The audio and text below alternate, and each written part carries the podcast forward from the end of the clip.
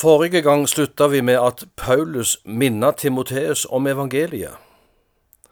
Timoteus var blitt motløs,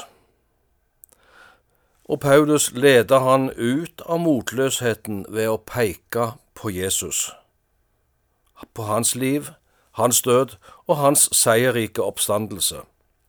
Slik skulle han tenne opp igjen den nådegaven han hadde fått. I det avsnittet vi skal lese sammen i dag, er evangeliet fortsatt hovedsaken.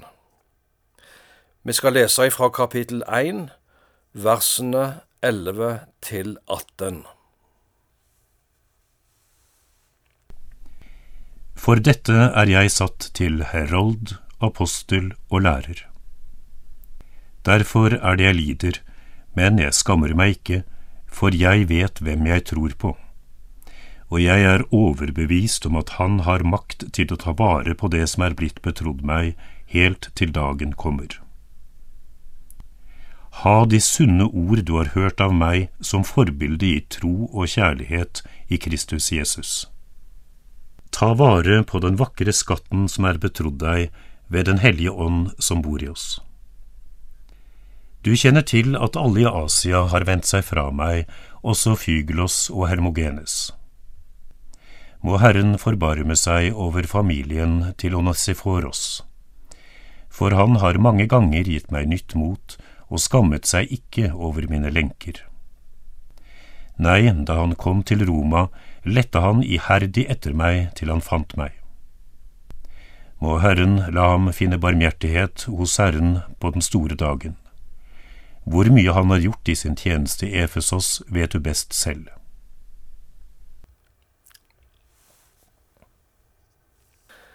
Den som har tatt imot evangeliet om Jesus, har også fått del i et oppdrag med evangeliet.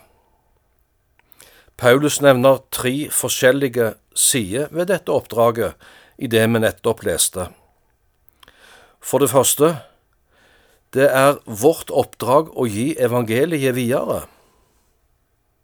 Det har vært mitt kall, sier Paulus. Jeg har hatt det oppdrag å være herold, apostel og lærer. Herold er ikke et ord vi bruker i dag, men en herold hadde som oppgave å rope ut et budskap. Det kan også bety et sendebud, en talsperson som formidler budskap fra sin overordnede. Og forkynneroppgaven er en slik heroldtjeneste ved å proklamere det glade budskap. Og Paulus var også apostel, med den autoritet det innebar, og han var en lærer. Aposteloppgaven var knytta til Paulus og de tolv.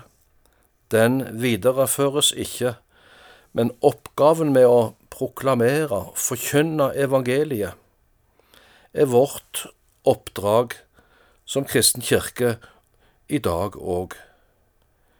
Ja, forkynnelsen av evangeliet er vårt fremste oppdrag.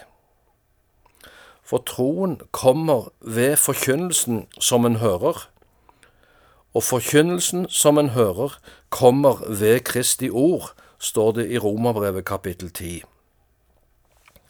Evangeliet skal også gis videre gjennom opplæring. Paulus kaller seg sjøl også for lærer. Jeg vet på hvem jeg tror, sier han for sin egen del. Guds folk trenger opplæring i Guds ord, slik at de også kan si jeg vet på hvem jeg tror. Vi trenger både kunnskap og kjennskap til den kristne tro. Vårt oppdrag er både å proklamere evangeliet og gi opplæring i evangeliets rike innhold, slik vi møter det i Bibelen. For det andre, vi skal òg være villige til å lie for evangeliet. Derfor er det jeg lider, sier Paulus videre i vers 12. Er det en sammenheng mellom å formidle evangeliet og lia for det? Ja, evangeliet er til anstøt for den som ikke er frelst. Det naturlige mennesket vil møte evangeliet med motstand, blant annet fordi evangeliet forkynner at et menneske er hjelpeløst fortapt og kan ikke frelse seg sjøl. Evangeliet forkynner at Jesus måtte dø på et kors for at vi skulle bli frelst. Vi kan ingenting gjøre sjøl uten det å ta imot Guds uforskyldte nåde. Dette budskap er en kraft til frelse for hver den som tror. Men det er dårskap for den som går fortapt, sier Paulus. Det er fordi jeg har forkynt evangeliet at jeg nå sitter i fengsel i Roma. Mange kristne har opp gjennom historien opplevd det samme, og det har aldri vært så mange kristne som lir martyrdøden og blir forfulgt som i vår tid. Du må bære lidelsene for evangeliet, du òg, Timoteus. Det er en del av ditt oppdrag, og det er en del av det å være en kristen òg for oss i dag. Men Paulus skammer seg ikke over det. Han var trygg i sin tro. Han visste at Gud hadde makt til å ta vare på han i det oppdrag han hadde fått trygg og frimodig også i motgang. Det må du også være, Timoteus, og det vil Paulus også si til oss i dag. Og for det tredje, ta vare på evangeliet. Vers 13 og 14. I disse to versene bruker Paulus to uttrykk om evangeliet, nemlig de sunne ord og den fagre skatten. De sunne ord, den kristne tro, evangeliet, er den sunne lære. Sunnhet, det forbinder vi med kosthold, sunn og god mat, viktig for vår helse.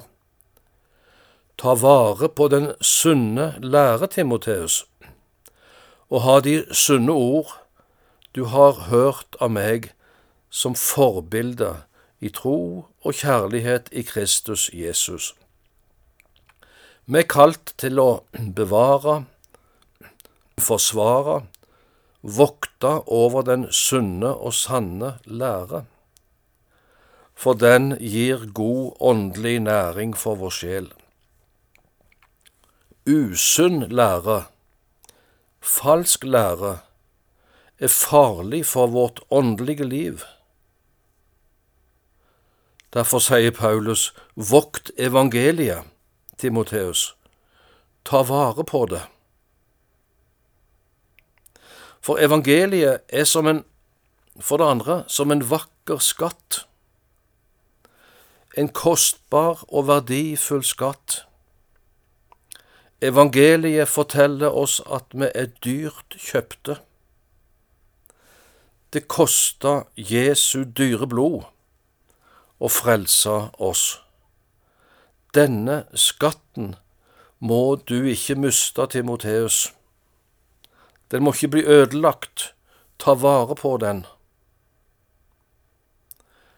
Du er blitt betrodd denne skatten. Du har fått del i den ved Den hellige ånd. For å oppsummere litt, i forhold til evangeliet som du har mottatt, Timoteus, ditt oppdrag er å forkynne det, gi det videre, gi opplæring i Guds ord, og for det andre, du må være forberedt på og villig til å lie for evangeliet i din tjeneste.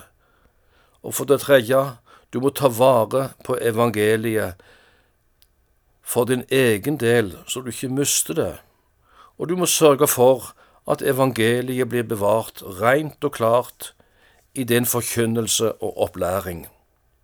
Fordi evangeliet er sunne ord. Det skaper åndelig sunne liv der hvor de blir tatt imot. Evangeliet er så dyrebart, som en skatt du ikke må miste, og som ikke må smusses til. Og Jeg tenker det samme budskapet til oss òg i dag. Vi er kalt til å gi evangeliet videre. Det skal proklameres, det skal forkynnes, det skal undervises. Og så er spørsmålet er vi villige til å ta de omkostningene det fører med seg å være tro mot evangeliet. Ser vi hvor kostbart og evangeliet er for oss, ja, da vil vi for alt i verden ikke miste det, kosta hva det kosta vil. Da blir kanskje det også ditt og mitt vitnesbyrd som tror på evangeliet om Jesus Kristus at vi i vårt vitnesbyrd da kan si nei, for all den ting jeg visste, kan jeg ei min Jesus miste. Og til slutt, da, du som ikke har tatt imot evangeliet. Du kan få del i denne vakre skatten, som er det viktigste et menneske kan få del i, ved å ta imot Jesus i ditt hjerte. Gud velsigne hver og en av, av dere som lytter, og så stopper vi her i dag.